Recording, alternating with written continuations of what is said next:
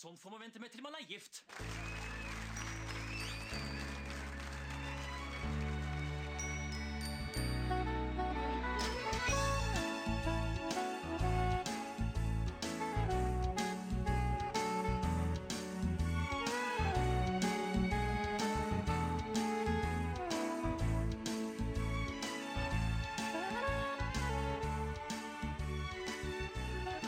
Hallo og velkommen til nok en episode av Norsk film filmpodkast, hvor vi ser norsk film med et kritisk, men kjærlig blikk. Mitt navn er Emil. Jeg sitter her som alltid med Stefan heter jeg, og vi har jo en annen gjest i studio i dag også. min seks måneder gamle valp Theodor, som ligger og koser seg med et eh, griseøre på gulvet her. Så forhåpentligvis så blir det ikke for mye klynking og bjeffing i bakgrunnen. Jeg veit at eh, det har vært litt det på tidligere episoder.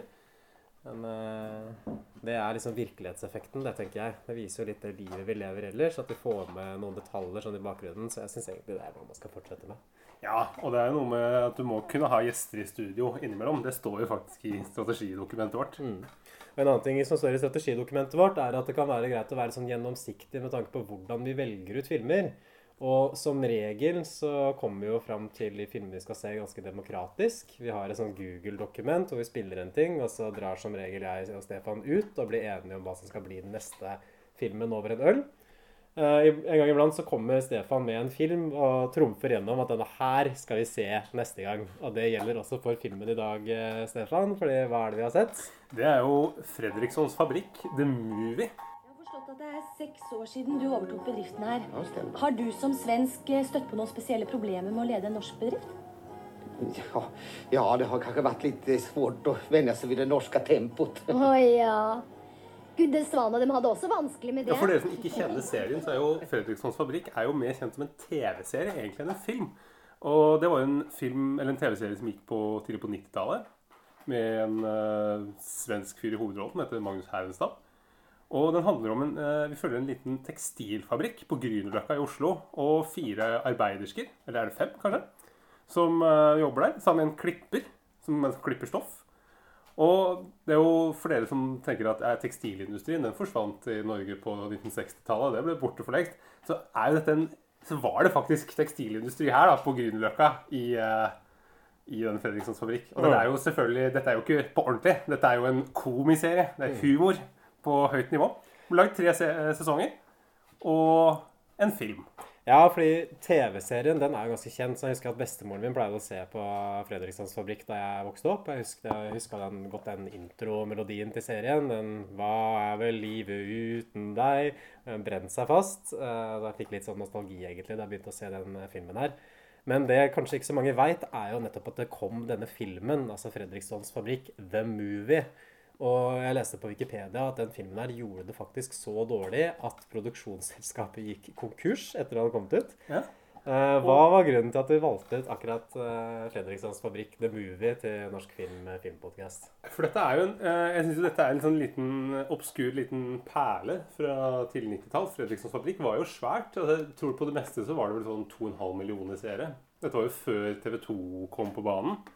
Men likevel veldig populær serie. Og så greier du å på en måte floppe hele greia med en film. Produksjonsselskapet som gikk konk, er jo Teamfilm, som var samme som produserte Olsenbanen. Så det var et, et anrikt selskap. Og de tenkte nå skal vi virkelig cashe inn på den filmen her. Men sånn ble det ikke. Jeg så jo også at filmen hadde 4,8 på IMDb. Å, en solid score. Ja, det, det er ikke så veldig solid, egentlig. Alt under 6 er ganske dårlig på IMDb, så jeg må jo si at jeg ikke hadde verdens høyeste forhåpninger eh, før jeg begynte å se den. Men jeg gikk til den åpnet sint, så kan jo kanskje starte med å gi et litt sånn overordna plottresymé, da. Eh, at Fredrikssons fabrikk, eh, den fabrikken det er snakk om, det er en klesfabrikk som egentlig heter Fredriksens Fashion. Som drives av Fredriksson fra tittelen, som er klesfabrikkens svenske sjef. Morn, Fredriksson. Det kan du säga. Ja, svensk, men ok. Svensk men OK, som eh, en av de arbeiderne sier senere i filmen. Og både serien og filmen handler vel mest om konfliktene mellom Fredriksson, som er sjefen, og så har du fire damer som jobber på gulvet der. At du har eh, Pia, som er spilt av Anne Marie Ottersen, som er tillitsvalgt og litt sånn kommunist, egentlig. Eller sånn radikal arbeiderbevegelsedame. Snakker ofte om fagforeninger. er på en måte den som sjekker at alt sånn juridisk sett er på stell. De som derimot stemmer for at norsk lov skal gjelde, som arbeiderklassen har kjempa fram gjennom sult og forsakelse, mot maktmisbruk og undertrykkelse fra en despotisk monopolkapitalistisk ledelse for at menneskeverd og rettferdighet skal seire. Den gangen så het det vel Arbeiderpartiet. Ja, Anne Marie Ottersen. Og så er det uh, Oddveig, som er spilt av Elsa Lystad, som er en eldre arbeiderske. Og som er litt sånn mutt og sur, egentlig. Bare går rundt og er sur. Ja, det er kanskje den karakteren som er minst definert av de Ja, fire. er ikke min favoritt. Og så har man Kari, som er spilt av Brett Elisabeth Haagensli. Hun er den yngste av dem. Eh, Ganske sånn varmfager, eh, litt sånn yppig, eh, rubenesk, eh, sensuell eh, framtoning, vil jeg si. Og til sist så har man Margit, som er spilt av Aud Schønemann, som er den eldste av de, og som har jobbet på fabrikken hele sitt liv. I 50 år kommer det fram etter hvert. Det er jeg som kommer til å få skylda. Filmen starter med et bilde av den gamle sjefen på Fredrikssons fabrikk som ble tatt under krigen, som Aud Schønemann viser til de andre ansatte. Og så kommer eh, Fredriksson en gang inn og begynner å kjefte for at ting ikke går kjapt nok.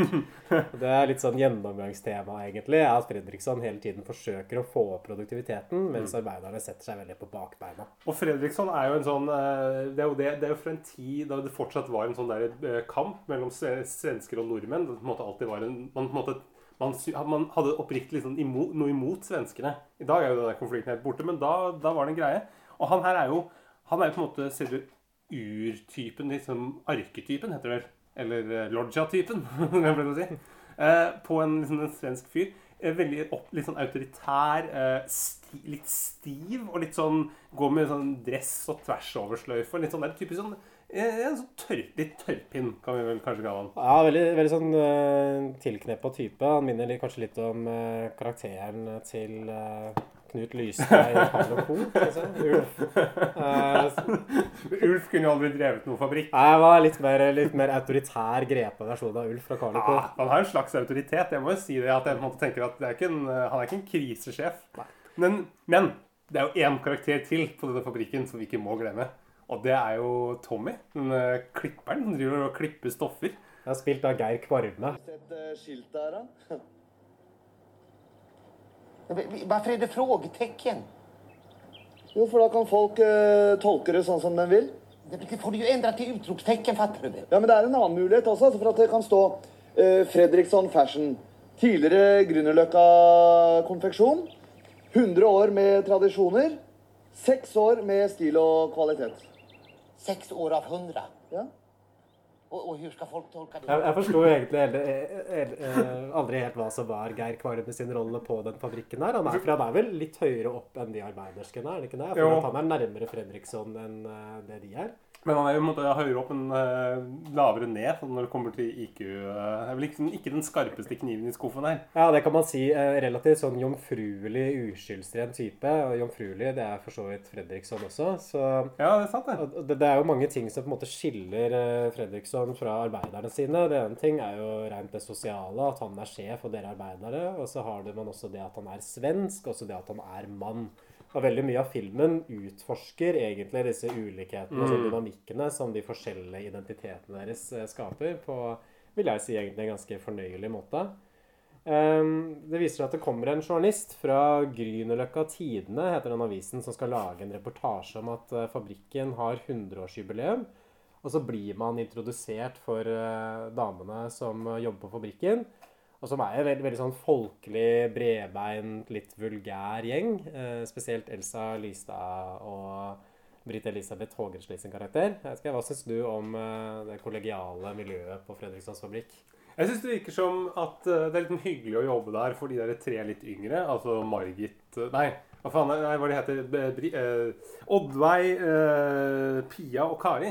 Mens Margit er litt sånn, blir litt eh, mobbet. Hun gamle, gamle kvinnen spilte Aud Sjødemann. Ja, hun er den som, er ikke, som ikke er opposisjonell. Nei. De tre andre er jo veldig kritiske alltid til Fredriksson og er en slags sånn hele tiden i et fiendeforhold til ham, mens Margit er den som er mest lojal og mest servil. Og Gjør sånn. det hun skal. Og har nok et lite sånn, eh, lite sånn crush på denne Fredriksson. er kanskje fra en litt sånn tidligere generasjon arbeider også, eh, enn det de tre andre kvinnene er. Um, en ting som jeg ble slått av liksom med en gang, er at jeg syns at det er en ganske sånn tung, alvorlig stemning over formspråket. Vil ikke si det? At det er veldig mange sånn treige kamerakjøringer Ja. inn og ut. Kamera på en måte kommer sånn sakte rundt en vegg, og så sitter de der. Det er ganske sånn mørk, dunkel lyssetting. Litt sånn sepia-preg. Mye røyk i luften. Sånn klassisk musikk. Og egentlig ganske sånn vakker, men mer på en sånn konvensjonell sånn kunstfilmmåte. Og det stussa jeg på med en gang. At dette her ser jo ut som om det er en eller annen sånn 70-talls tysk eh, tung eh, Brest-adopsjon istedenfor en komedie. Så det, med en gang så skurra det litt for meg. egentlig. Men eh, for, meg, for min del så fungerte det. Det er kanskje fordi at jeg syns ikke filmen var noe morsom.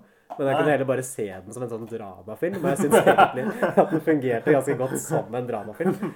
Så Det sier kanskje mer om meg enn eh, om filmen, men jeg ble i hvert fall slått av, av filmen og filmens eh, formspråk og estetikk, og, og på en måte hvor vakker den var, på en mer sånn konvensjonell, kunstnerisk, høyverdig måte. Ja, det, det jeg tror det har med å gjøre, er jo at det er jo Bo Hermansson eh, som har blant annet har liksom alle Fleksnes-episodene og gjorde veldig mye sånn komigreier i Norge på, i etterkrigstida.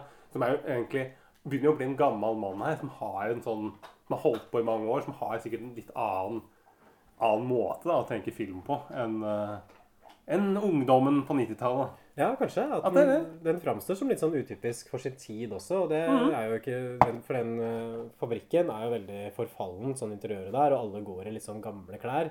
Jeg syns det er ganske jarring når man seinere i filmen ser at de drar ut på et utested, og så plutselig er man på et sånt moderne utested hvor de spiller trans. Fordi inne på Fredrikssons fabrikk så ser det ut som det er på 50-tallet. Hva betyr jarring, eh, Emil? Nei, At det blir litt sånn eh, Ja, hva skal jeg si? At det bryter litt med inntrykket i resten av filmen. Da. At man blir litt sånn tatt på senga av det. Å, jeg har tatt, ja, tatt på Jeg, jeg, senga. jeg skvatt litt. Ja, men det, det, det, er det. fordi det, er jo det som du sier, det virker som at det foregår i en helt annen tid. Og det, det er jo noe av det som ja, som gjør det litt sånn fascinerende å se på. Det er jo noen sånne hovedintriger i filmen som settes opp med en gang. Det ene er at Fredriksson er i ferd med å skille seg fra kona. Hun kona ser vi vel aldri, og det er for at det går for treigt hjemme også. Det går for treigt med de damene på jobb, og det går for treigt i husstanden. Og han, eh, De krangler over hvem som skal ha hva i skilsmisseoppgjøret, selvfølgelig. Og Fredriksson ender vel opp med å tape alt. Vansinne. Den här fotograferingen tar jo precis hele dagen. Jeg er helt enig, altså, men tror du ikke at de er ferdige snart nå? Ferdige? Ferdige? Tommy, du vet ingenting om kvinner. Ta min fru til eksempel. Varje gang hun skal ha noe nytt, va? da gir hun seg ned og så provar hun. Hittar hun en klänning som hun tykker om, da må jeg absolutt følge med. Va? Så går vi ned i butikken, og så provar hun og sier säger ja men den der var vel snygg, sier jeg. Da. tar hun med seg klänningen hjem, provar hun hjemme og sier säger ja men den der var vel snygg, sier jeg. Ja, Det er glupt å si det, altså. Men sen dagen därpå när jag kommer hem, då har hon varit i butiken och lämnat tillbaks den. För den passar ju inte alls. Och så säger hon till mig, varför sa du ingenting? Og så hadde du sagt det. Du fattar poängen så snabbt du Tommy. Ja, du veit. Nu är jag snart kvitt henne. Kan hon prova sina klänningar? Så mye av filmen handler om at han skal forsøke å finne seg en ny dame, som skjer ganske snart. Det er Hege Skøyen. Hun kan jo se mer om seinere. Men Fredrikssons kjærlighetsliv er en av plottlinjene i filmen. Og parallelt med dette her så følger vi jo også hvordan det går med Fredrikssons fabrikk eh, sånn økonomisk. Uh, ja. Ja, for de har jo dette 100-årsjubileet, og um, så tas det noen bilder, og så skjer det et eller annet rart med en kjole, som Fredriksson da skal selge til Adelsten. For dere unge som ikke kjenner Adelsten, så er jo det det som heter Kappal nå. Den Ja. eh, liksom moteviktige kjeden. Og da er det en liksom fornøyelig scene hvor vi sitter på liksom kontoret til denne sjefen i eh, eller Adelsten. Og det er jo selvfølgelig spilt av Rolf Wesenlund med hestehale. Dette her er tilløp til mye artig her. Men hvis vi skal selge denne, Fredriksson, så må vi nok være forberedt på å gjøre visse endringer. Jo, men det er klart at visse justeringer det blir det jo alltid fråga om. Ja. Ja, det er særlig etiketten. Eh, Fredrikssons Fashion. Ja, navnelapp. Den må vekk. Vekk, vekk, vekk, vekk, vekk! Ja, men Fredrikssons Fashion har jo et visst rykte. Ja, og i den forbindelse Den kolleksjonen som vi bestilte som sommerkolleksjon, den kom i månedsskiftet oktober-november. Det er jo ikke noe sommer da. Nej, men det blev ju ändå det sista skriket i fjor, inte sant? Ja, men det var ingenting mot det skriket som kom fra kundene da de oppdaget at denne her ikke tålte maskinvask. Dette her står det kokevask, står det. Den ble vasket på kulørtvask, altså 40 grader, og under det, det er da ikke noe man kan levere. Vi har fått mengdevis av brev og klager og reklamasjoner. Jeg finner meg ikke i at det leveres den slags tull her, altså. Det, det, er, det er ikke noe lekebransje, det er hår Nei, fordi Rolf Westerlund vil jo altså ta vekk navnet Fredriksens Fashion fra etiketten på kjolen, så man får jo inntrykk av at de har et ganske dårlig rykte. av Rolf Westerlund er sånn lei og irritert. Og det som har skjedd med den kjolen, er, det blir egentlig et ganske viktig plottpoeng eh, senere i filmen, så det er greit å presisere det, er at eh, journalisten fra Grünerløkka Tidene vil gjerne at den eldste arbeideren som jobber der, skal ha på seg den nyeste kjolen. Så hvorfor det er liksom en god idé til et foto til en sånn sak, det veit ikke jeg. Men, men de tar i hvert fall ender opp med at uh, Aud Schønemann, da, Margit, som jo er den klart eldste der, tar liksom noen sånn motebilder av henne, og så skal du ned igjen fra bordet som hun står på, og så revner denne kjolen. Um, det går altså ikke spesielt bra når Fredriksson skal vise fram eh, kjolen til eh, Rolf Wesenlund. Wesenlund skjeller han ut for å komme med sånn halvferdig skitt. Men alt er ikke forgjeves, fordi på kontoret så jobber også Hege Skøyen. Og hvem er eh, Hege Skøyen i denne filmen, Stefan? Det er jo en, en pike som heter Chris, som er veldig opptatt av mote og fashion. Hun viser jo Fredriksson noen tegninger som er tegna, som er litt sånn rip-off fra noen andre motehus, tydeligvis. da. Men det skjønner jo ikke Fredriksson, for han har jo ikke peiling på sånt. Og han, er jo, han blir jo interessert i henne med en gang. Og hun, hun framstår vel litt som en sånn person som er litt sånn glad i penger og har dyre vaner. Noe som uh, Fredriksson uh, har liksom problemer med Eller liksom et, som var et av problemene med Fredrikssons tidligere kone. Noe som er vel egentlig en av den underliggende grunn til at de skilte seg. Men, men uansett så innleder jo de her et, det blir jo innleder et slags forhold. Det er en sånn der, liksom klein sånn flørtescene på kontoret hvor, de, hvor denne her middelaldrende mannen og denne unge, vakre kvinnen måte sitter og flørter. Vi skjønner jo ikke helt liksom, hvorfor, hvorfor er hun interessert i han? Nei, Det lurte jeg også på. Eh, Hva er det som gjør at Hege Skøyen tiltrekkes eh, Fredriksson der? Eh, For det er jo riktig som du sier, at hun representerer jo på en måte det moderne, og at Fredrikssons fabrikk er jo veldig tradisjonelt, eller sånn 50-tallsaktig. Mens hun spiser lunsj i salatbaren, vil ikke at Fredriksson skal spise majones og smør. Hun vil ta han med til Paris. Hun driver og tegner noe plagg som er veldig utfordrende, lettkledde. Så jeg får inntrykk av at hun representerer på en måte det nye næringslivet, den nye klesindustrien, den mer sånn moteorienterte klesindustrien. Mens Fredriksson i mye større grad representerer håndverket. Altså industrien, som ikke er mote, men som bare handler om å levere klær. Ja, Vi må lage så og så mange plagg innen den og den datoen, og så er det, er litt samme hvordan det egentlig ser ut. Men det skal være kvalitet. Det det, er det som teller. Ja. De innleder i hvert fall eh, et forhold, disse her. Eh, Parallelt så kan man jo si at eh, de damene på fabrikken de har et slags scheme hvor de forsøker å spleise Fredriksson med en ny dame. Er veldig på å finne en ny partner for han. Og så bestemmer de seg da for å finne ut om Fredriksen har sexappeal, og så får vi en sånn scene hvor de finner ulike Ja. påskudd for at Fredriksson skal ta på dem, og hvor de på en måte byr seg litt fram på en sånn kødden måte for å finne ut at på en måte har the touch. Altså det som man kan kjenne liksom at man har med en ekte mann å gjøre. Ja, det er vel Eh, hun uh, Pia som måtte tar seg til brystet og sier det er veldig vondt og ber Fredriksson om å kjenne. Men Fredriksson er jo på en måte en fyr som åpenbart liksom en sånn tørrpinn, så han skjønner jo ikke hva dette her er for noe. Og så kommer hun uh, Britt Elisabeth Haagensli, som jeg ikke husker hva heter, og på en måte sier at du har vondt i nakken og med veldig sånn seksuell eh, framtoning med den litt sånn rue stemmen som du har. Ja, kan ikke du kan ikke ta meg litt her, ja? Ta, ta meg litt bakpå her, ja. Eh, Fredriksson! Ja, Fredriksen, kom igjen, ta meg, ta meg litt her på kløfta. Altså, det er en, det, det er en sånn spenning mellom kjønnene her. Og man også har mange scener hvor eh, Fredriksson og Geir Kvarme liksom snakker sammen. Ja, Herregud, hva er, det, hva er det med disse kvinnfolkene? Jeg orker i hvert fall ikke ha noe dame. Mens damene på sin side kødder litt med dem og skal på en måte late som skal gi dem datingtips og forføre dem på tull. Og det, det virker litt som at de damene har en slags sånn seksuell makt Ja, er over det. Geir Kvarme og Fredriksson. For begge de to er jo veldig sånn keitete, jomfruelige typer, egentlig. Og de er ganske sånn, ja, de er ganske sånn maktesløse når damene skrur på den bryteren, og det gjør de veldig bevisst. At de er klassisk, i hvert fall hvis man ser bort fra Aud Schønemann karakter, så er de veldig sånn typisk vulgære arbeiderklassekvinner, alle sammen. Og du mener det? Ja, men, ja, men det er jo men det, er jo, det, er det som også er morsomt her, at de, det er jo de som virker som de smarteste her. De, de kvinnene i, den, eh, i fabrikken. Ja, det er jo de som har overtaket, Mm. helt klart, sosialt. Og hun Margit er jo litt mer sånn konvensjonell. Ja. Hun sier vel det at ordentlige damer de byr seg ikke fram. Jo mer de sier nei, jo mer interessert er de. Så man har på en måte sånn ulike seksualmoraler som får bryne seg mot Ja, hverandre. det er ikke greit nå eh, til, til ungdommen. det, det, dette var før metoo. Ja, Aud Schønemann eh, er herved kansellert. Men det har liksom, hvis Aud Schønemann representerer det mer sånn tradisjonelle og kyske, så har du damene som representerer det vulgære og arbeiderklasseorienterte. Og så Geir Kvarme og Fredriksson blir jo kanskje mer sånn der borgerlige, pripne, viktorianske seksualmoral. Er, er, han der Fy faen! Er det det de betaler deg for på NTNU å komme med sånn uh, visvas og sludder? Det er det. Det er det, det er det våre lyttere setter pris på også, Stefan.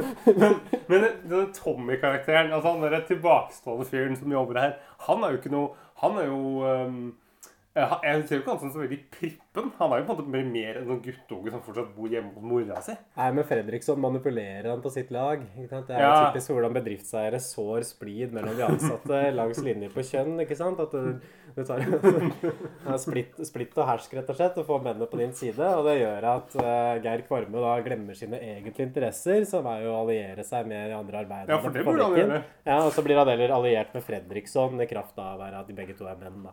Klassisk splitt og, splitt og hersk-taktikk. Men eh, han, eh, Geir Kvarme skal også lage et skilt. Eh, det er en ganske sånn fornøyelig scene utafor fabrikken. Det var et av de få sånn ordentlig gode og komiske øyeblikkene, syns jeg.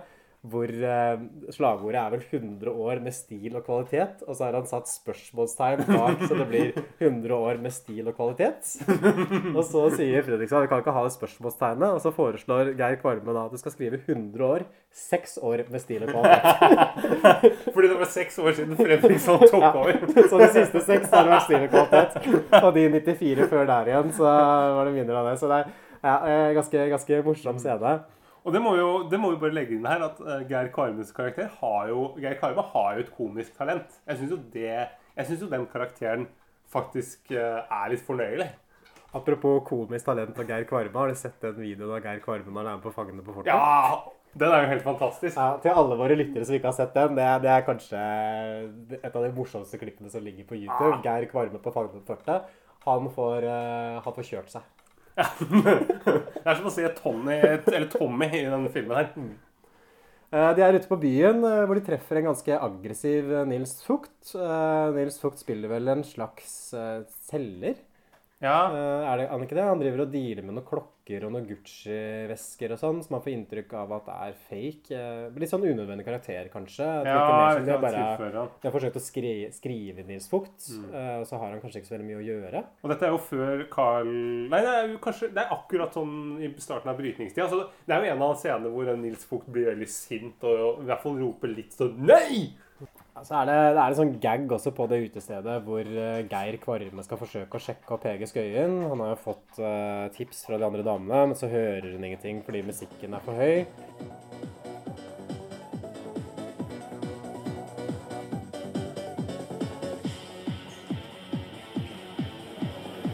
Det er skikkelig varmt her. Hva? Jeg er så varm, jeg. Helt eh, svett under arma.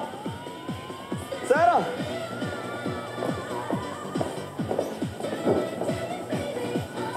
Tommy her. Hør!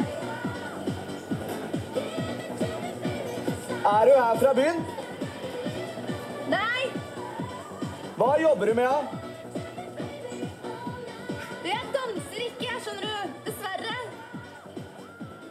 Så interessant. Men uh, i hvert fall de andre på fabrikken de oppdager da at eh, Hege Skøyen er ute der med Fredriksson, og det blir det tatt ganske dårlig imot av de damene som mener at han er en gammel uh, gris. Men Margit holder hardnakka fast på at det må være niesen hans. Ja, Men igjen så er det litt sånn uklart, som du sier, hva, man, hva hun ser i Fredriksson. Altså Kanskje litt sånn uklar karakter i det hele tatt. Så man kan jo lett tenke at det bare er et kynisk uh, spill, dette her.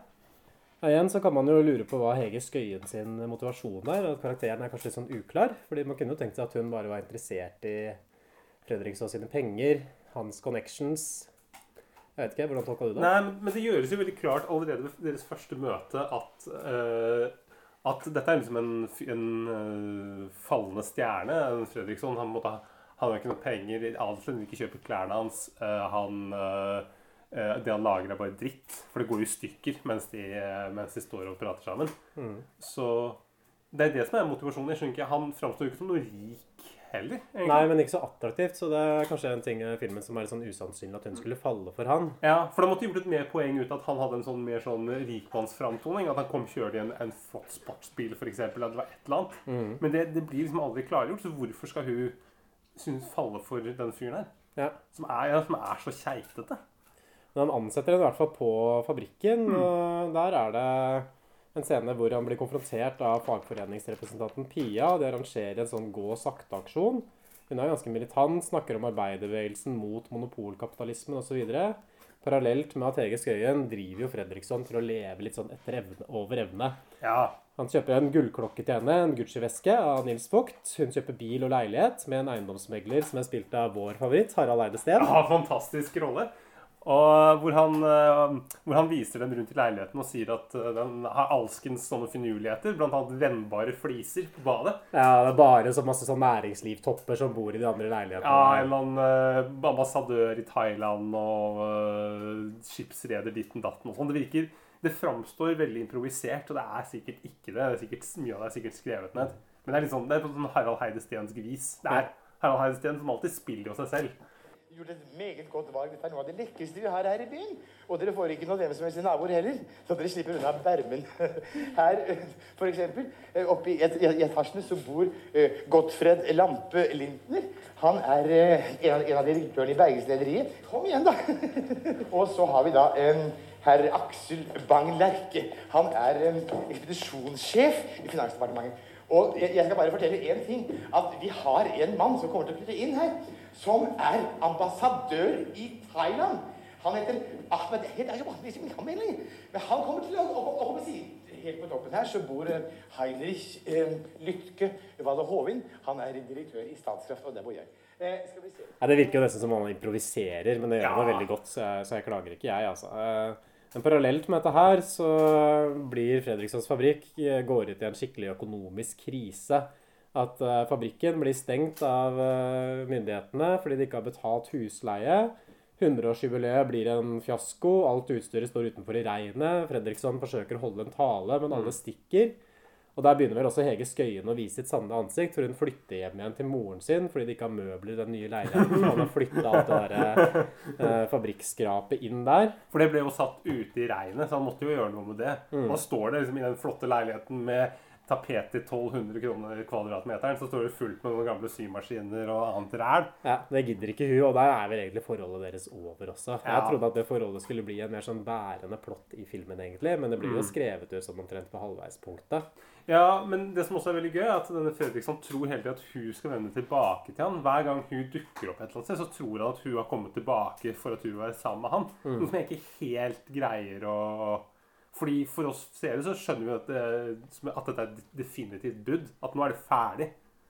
Men Ja. han, er, han er jo på en måte åpenbart ikke vant til Han har vært gift i 17 år med samme kvinne, så han skjønner åpenbart ikke det at man kan slå opp på så kort varsel. Og Nei, han skjønner ikke spillereglene. Jeg syns hele det plottet der blir litt sånn halvbakt, både med Fredrikssons eh, forhold til Hege Skøyen spesifikt, men også det med generelle som går med hans kjærlighetsliv. At det er mye sterkere når de bare holder seg på fabrikken, og Mm. forholdet mellom Fredriksson og arbeiderne. Helt enig. Men uh, dere husker kanskje at det ble tatt et bilde av Aud Schønemann i denne kjolen på starten av filmen, for nå kommer det inn igjen. Ja, fordi uh, nå Nå, nå ja, Forklar du. Fortell, Vemil. Mm.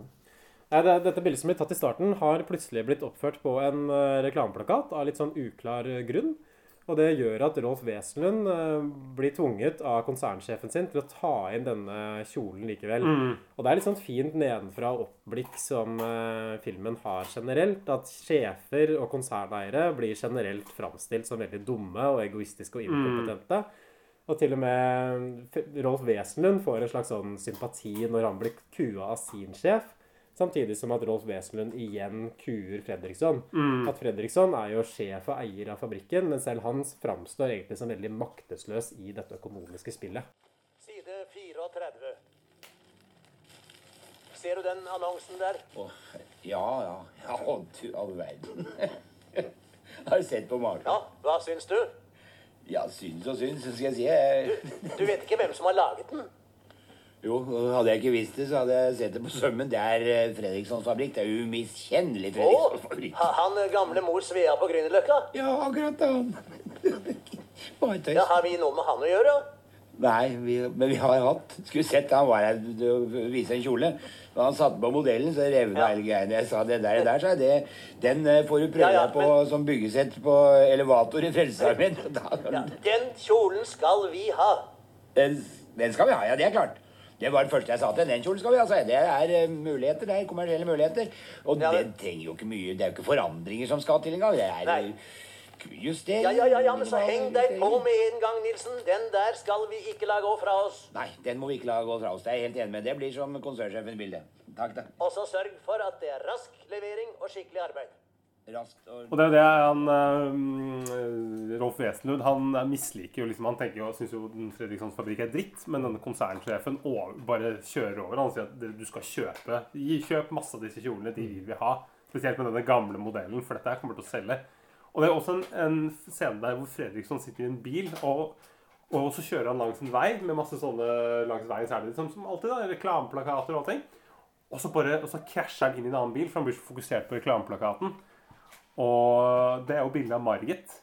Men ved siden av denne plakaten så er det et bilde av en, eh, en litt sånn eh, En sånn klassisk litt sånn eh, modell da, uten, uten altfor mye klær, kan vi si.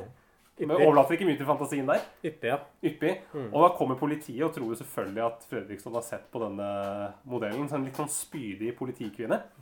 Og da kan jeg jo, her kan jeg jo røpe at dette her var jo faktisk et, det, det var jo en ting på 90-tallet som det blir gjort en del saker av på NRK. At folk, at man måtte ikke sette ut sånne plakater langs hovedveiene fordi at folk ble så distré. på veien når du kjører, vet du. Ja, jeg forstår jo det. Jeg vet jo det. Men det er så at denne här damen og jeg er gamle bekjente. Vi har jobbet intimt sammen i flere år. Du, Jeg tror du skal spare de morsomhetene dine til en annen gang. Men det er sant. Vi jobber i samme bransje. Vi treffes hver eneste dag. Du, nå kutter vi ut dette her, hva? Hun gjør smørgåsene åt meg. Hun tvetter min smutsige tvett. Har du drukket? Hun jobber for mig. När jeg kommer til kontoret på morgenen, så sitter hun ofte og venter på meg. Hun Hon har til og med mine klær på. Jeg legger igjen merke til kjønnsdynamikken her. Altså Det er en politikvinne som Mm. kommer og refser uh, Ikke en politimann, for han hadde vært sånn ho-ho-ho.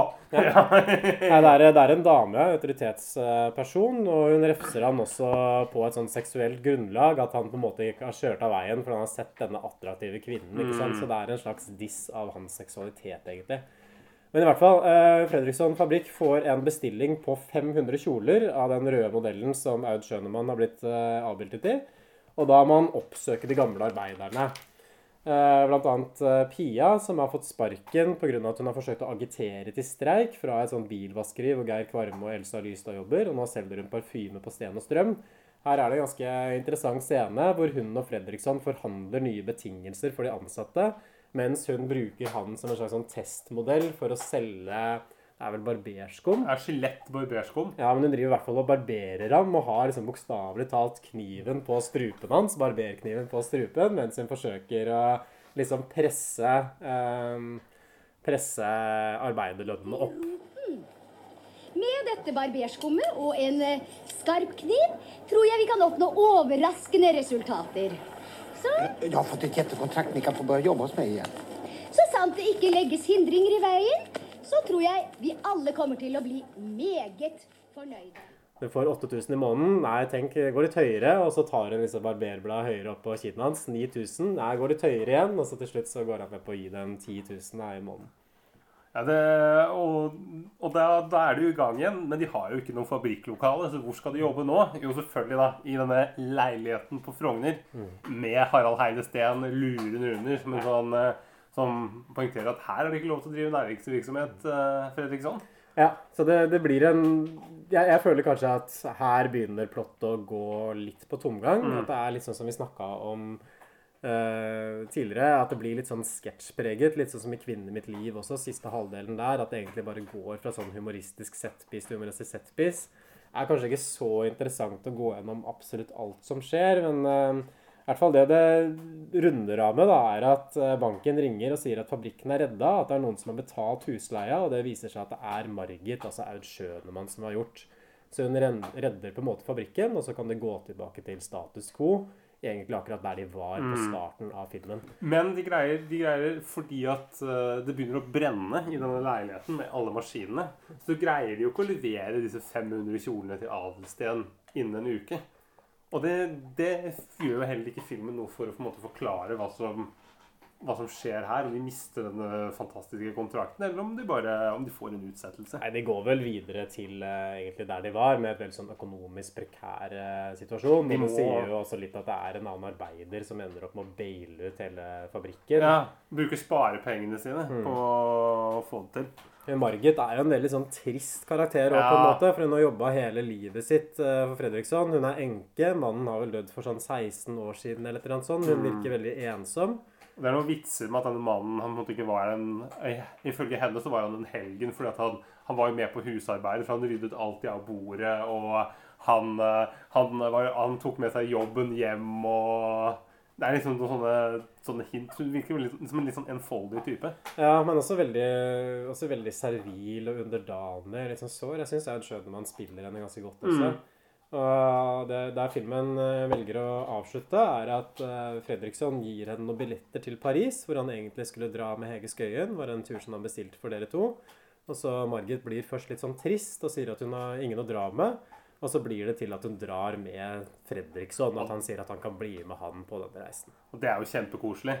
Og filmen slutter jo der. Og, og en annen ting som også skjer i den slutten her, er jo at Margit endelig greier å finne en, en dame til Fredriksson som tilfeldigvis jobber i Arbeidstilsynet. Ja, for det er også hun, sånn, inspektøren som kom i leiligheten for å finne ut om de dreiv næringslivsvirksomhet i leiligheten til Fredriksson. Nok en kvinnelig autoritetsperson. Mm. Men eh, denne autoritetspersonen her ender Fredriksson da med å falle for. Ja. Så det sier jo kanskje litt om hans eh, han, hvem han blir tiltrukket av også. At han blir ikke tiltrukket av Hege Skøyen, som på en måte er sånn, mer sånn moderne, altså kanskje er litt under han sosialt sett. Men han eh, skal ha en sånn kvinnelig grepa autoritetsperson. Men- det er det han trenger å ha.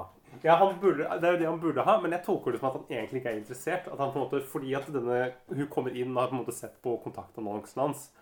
Og, og, og, og så sier han at nei, han har aldri sendt noe brev, og nei, og og så begynner hun å true med at jo, men hvis, eh, hvis du Ok, kanskje hvis du ikke sendte det brevet, kanskje jeg må se litt på disse steamrørene og se på arbeidsforholdene på fabrikken her. Mm. Og da blir han plutselig med. Så jeg tolker det som at han egentlig ikke er så interessert. Nei. Men det Han men, kanskje ikke har blitt mer pressa inn i det. av Ja. sånne økonomiske årsaker. Ja. For hun er litt, sånn, hun er litt manipulerende, rett og slett. Hun, Så han får vel kanskje liksom samme type kone som han har hatt i Ja. 17 år, egentlig. Selv om han konstaterte at en sånn kone, det skal han aldri ha igjen. Mm. Nå var det slutt på damer. Ja, men sirkelen er slutta, og Fredrikssons fabrikk eh, fortsetter, og filmen er over. Så, så hva skal man si, eh, Stefan? Hva sitter du igjen med her? Dette her er jo en veldig upopulær film. Gjorde det veldig dårlig. Dårlig score.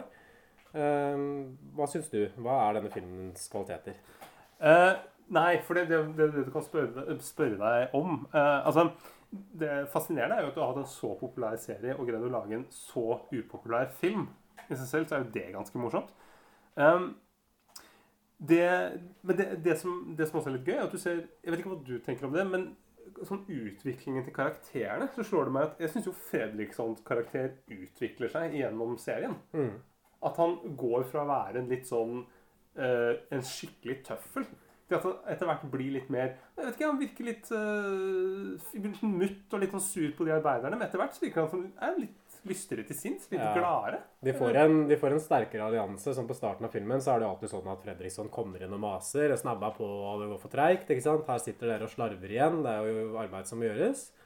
Eh, litt sånn typisk dynamikk, egentlig. Og så har man dette arbeiderkollektivet blant disse damene som egentlig motsetter og saboterer for han, men på et veldig sånn her subtilt vis. At de bare jobber sakte og driter i å følge ordre. Og når filmen runder seg, så får man jo inntrykk av at de har inngått et slags kompromiss. da kan man si, At de er litt mer på linje nå, at de sitter mer i samme båt enn det de gjorde innledningsvis. Mm. Um, jeg syns jo det er sånn interessant å se denne filmen litt sånn inn, som en slags sånn skildring av det norske arbeidslivet. Og det har jeg vært inne på før at den type fabrikker som vi ser på Fredrikssons fabrikk, det fins jo egentlig ikke lenger i Norge. Nei. Sant? Man har jo flytta all den industrien ut, og det er jo litt også pga. det arbeiderkollektivet som skildres her. Mm. At norske arbeiderne ble for kravstore og ble for organiserte på et eller annet tidspunkt. Mm. ikke sant? Vestlige arbeidere generelt ble det, og så flytta man da produksjonen til land hvor arbeidskraften var billigere og litt mer føyelig. Så også i filmens univers så framstår jo Fredrikssons fabrikk som eh, litt sånn gått ut på dato, egentlig. Dette er en type arbeidsliv man egentlig ikke har lenger i Norge, men det får en sånn nostalgisk effekt. Fordi det minner litt om et sånn sosialdemokratisk Mhm. klassesamarbeid som man nå eh, har i mye mindre grad enn det man hadde da. Og så er jo det også, det, det skilles mellom at uh, denne Margit-karakteren, som er så selvoppofrende, den gamle som har vært her i 50 år, er, jobber på og liksom gjør det hun skal, og veldig opptatt av liksom, au, au, au, au- autoritetstro. Mens disse andre arbeiderne gjør jo ingenting. De bare sitter og snakker og bare klager på at de får for lite lunsj. og og bare, bare henger. Vi ser dem egentlig aldri jobbe. Mm. Bortsett fra helt mot slutten da de må sy disse 500 kjolene. Men det er eneste gangen vi hører lyden av symaskiner. altså. Ja, At de ikke bare sitter og spionerer på Fredriksson Mm. eller gjør narr av han og Geir Kvarme. Nei. Men, eh, Kvarme vet jeg heller ikke hva gjør på fabrikken. Nei, rollen hans er veldig uklar generelt. Men øhm, opplever du liksom at filmen tar side til noen av partene her? At det er jo en sånn arbeidstaker-arbeidsgiver-konflikt, egentlig. Mm. Det er jo det som er det drivende elementet her. Uh, hvor er det filmens blikk ligger? Tenker du, Skal man heie på Fredriksson, eller heier man på arbeiderne? Eller Jeg heier synes man på begge? Jeg, jeg syns jo man, man, heier på, man heier på arbeiderne. Og så er det litt sånn, så ser vi litt sånn, så syns vi litt sånn synd på denne Fredriksson, som ja, egentlig er, en, er god på bunnen og litt sånn søt og tafatt eh, type. Hva tenker du? Nei, jeg, jeg tenker det samme. at jeg, Det er kanskje vel med mitt syn, men jeg holder jo med, med fagforeningsrepresentanten Pia og liksom de mer sånn respektløse, grove arbeiderklassekvinnene. Jeg gjør jo det mot Fredriksson. og Jeg, jeg syns jo egentlig filmen er litt sånn overraskende interessant på et sånt plott. Jeg syns Mm. ikke det fungerer veldig godt som en komedie, for jeg syns den ikke var så veldig morsom. Bortsett fra noen scener så tror jeg ikke jeg lo, men jeg syns egentlig det fungerte bare ganske godt som en sånn dramafilm om, om det norske arbeidslivet i en veldig karikert form. Og det, det hadde jeg ikke akkurat trodd da jeg satte den på. jeg her. Men, men jeg tror det er det som også gjør filmen så fascinerende. At den er eh, Det virker som noe som skulle foregått 50 år tidligere, og så er den satt i 1994. Mm. Med dette her med diskomusikken og eh, og at det er helt sånn det er, så, det, er så, det er liksom et sånt sted mellom science fiction og virkelighet. Det er et helt merkelig univers. Og dette fabrikklokalet som ser ut som det holder på å ramle fra hverandre. Sånn der teglsteinsbygning fra slutten av 1800-tallet. liksom, Med sånne åpne, ødelagte vinduer og Ja, Som ligger jo på Grünerløkka Ja, òg. det er det er jo- er så hipt på Grünerløkka. Hvor, hvor mange tekstilfabrikker er det man har på Grünerløkka nå i dag? Sånn i dag så er jo det Fredriksson fabrikk er jo sikkert et galleri eller et utested. Fredrikssons galleri. Eller en tacorestaurant eller et eller annet sånt. Det heter sikkert Tekstilfabrikken, tror jeg. Ja, så det er, det er litt sånn interessant innblikk i et litt sånn annet Norge, kanskje, som kommer fram her. Så nei, jeg må si at jeg sitter igjen med et uh, veldig positivt inntrykk, jeg. Ja, jeg, det bra. Det var liksom, jeg ble veldig positivt overrasket over at du likte denne filmen her. For jeg tenkte at dette her er jo ikke Emils uh, type filmer i det hele tatt. Dette her er uh, på en måte Det er, det er, ikke, noe, det er ikke noe for deg. Men det setter jeg veldig pris på at du eh, ville oppleve og dele dette øyeblikket sammen med meg. Ja, det er kanskje også at jeg bare begynner å bli så smitta av deg. Sånn som Ola, som var gjest på forrige episode, han eh, mener jo det at du har ødelagt smaken din. For at du har, du har sett så mye norsk film og hørt så mye sånn norsk drittmusikk og sånn, at du ikke skjønner lenger hva slags smak du egentlig har. Altså, hvor er det den genuine smaken begynner og ironien slutter? Det kan være litt sånn vanskelig å få øye på. Ja, det, det er et poeng. Akkurat på film så er jo en uh, raffinert type som bare Jeg tenker man må sette pris på de ulike sjangerne. Det er på en måte litt sånn som med mat. ikke sant? Du går jo, du går jo både på McDonald's og på en måte på, på Fagn og Jossa. Det er på en måte to helt forskjellige verdener. Ja. Og da tenker jeg at dette her er kanskje da mer en, eh, mer en Burger King-film. Ja, men en Burger King-film som har en Michelin-opplevelse inni seg, kan man si. For det kan jo en Burger King-burger ha. Ja. Og det er jo, jeg tenker jo vanligvis ikke at det er et kvalitetstegn at en film heter The Movie som undertittel. I hvert fall ikke en norsk film, men jeg kanskje må revurdere akkurat den. Kjønnsdynamikken i filmen syns jeg også er veldig interessant, egentlig. Og, og jeg tror kanskje det står seg bedre nå i dagens Mm. perspektiv enn det det gjorde på 90-tallet. Litt sånn forut for sin tid. Å vise den motmakten som de kvinnene har, og som de helt bevisst bruker også, særlig når det kommer til det erotiske. Alle kvinnene, bortsett fra en Schønemann selvfølgelig, framstår jo som veldig mye mer seksuelt erfarne og seksuelt kompetente enn det Mm. Fredriksson og Geir Kvarme gjør. Og de har jo også sånn Fredriksson i sitt grep i kraft av det. Og jeg Mm. tror jo det er en ting som også påvirker den dynamikken mellom arbeidsgiver og arbeidstaker. Liksom. Mellom arbeiderklasse og kapital, da, Mm. for å si det på den måten. Hvis det hadde vært mannlige arbeidere, så ville jo Fredriksson selvfølgelig behandla dem på en helt annen måte Ja. enn det han gjør. For han behandler dem som sånne turtelduer og Ja. kjerringer, liksom. Han har en berøringsangst, Mm. så jeg tror de kommer seg unna med mye mer i kraft av det å være kvinner enn det de ville gjort hvis det var fire menn. da. For det er det, De kommer seg unna med å nesten ikke gjøre noen ting. og Han bare kødder, han kødder litt om det, men med en gang han sier noe på det, så blir han jo satt på plass. og- og og det, det, det her illustreres jo liksom veldig godt, dette med, med, med deres seksuelle dominans, i den der scenen hvor uh, Pia og Tommy skal på byen sammen. Og Pia må lære opp denne Tommy i hvordan du skal sjekke damer. Mm. Hvor det er noen sånne standardfraser sånn 'Er du her fra byen, eller?' Ja, Først så spør de om de skal danse, og så danser dere litt. Og viser ham vel også de skal, hvordan eh, de skal danse. Og så er det en sånn scene hvor Fredriksson og Geir Kvarme står inne på kontoret og forsøker å danse litt sånn moderne. Sånn kvinnene spionerer på. Så de er veldig på å liksom, utfordre deres autoritet hele Mm. veien her, altså. Og så er det, er det også en sånn scene hvor, vi, hvor, eh, hvor Pia blir sjekket opp av Nils Fugt Mm. med nøyaktig de samme replikkene som hun har gitt til Ja. denne Tommy. Så hun skjønner jo åpenbart spillet. Hun er, det viser jo at hun er overlegen. Mm. Men med Nils Fugt så tenker du sånn Ja, fuck it, det er jo bedre å være sammen med han enn ikke være sammen med noen. Det er jo Nils Fugt også som stikker av med Hege Skøyen på slutten av filmen. Så Ja. er kanskje, det er jo kanskje det nye klassekompromisset da, som man ser. At man går liksom fra det tradisjonelle klassekompromisset mellom de på gulvet og fabrikkeieren til å få dette kompromisset med en sånn halvkriminell selgertype, sånn kremmertype som Nils Fugt, og en litt sånn up and coming kreativ person som det Hege Skøyen representerer. Mm. En mer sånn fleksibel, liksom uregulert form for arbeidsliv. Med litt spisse albuer som på en måte Ja. opp og fram. Mm. Ja, uh, har du noen Har du noe mer å komme med?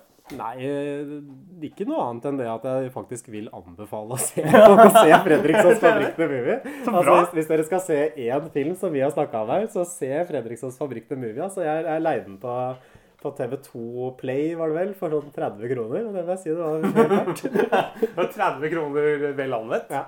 Og det er et stykke liksom, norsk eh, sosialrealisme, kan man si. Men jeg tror at det som skiller den filmen her fra kanskje mindre vellykka sånn politiske filmer da, i Mm. Norge, sånn som Hva med venner, f.eks., er at den liksom har også den mer sånn upretensiøse, humoristiske inngangen. Mm. Og jeg tror det kanskje er liksom nøkkelen her. At da har de klart å liksom slumse inn på noe som er veldig interessant, Mm. og, og også litt sånn relevant for å forstå liksom den tiden eh, som filmen portretterer, og kanskje også tiden av i dag. Ja, og, den, er- og den er ikke ha-ha-morsom. Det er bare uh, Den er bare liksom Det er bare helt OK å se på. Ja. Uh, terningkast, Emil? Ja, jeg vil gi den en uh, sterk firer. Det var, eh, det var raust, Jeg er nesten altså. frista til å gå enda Oi! høyere, bare for at den overraska meg såpass positivt. Nei, vi, vi legger den på fire pluss. Fire pluss, ja. Mm, hva med deg? Fire. Ja. Soleklar. Da er vi enige. Ah, det var fantastisk.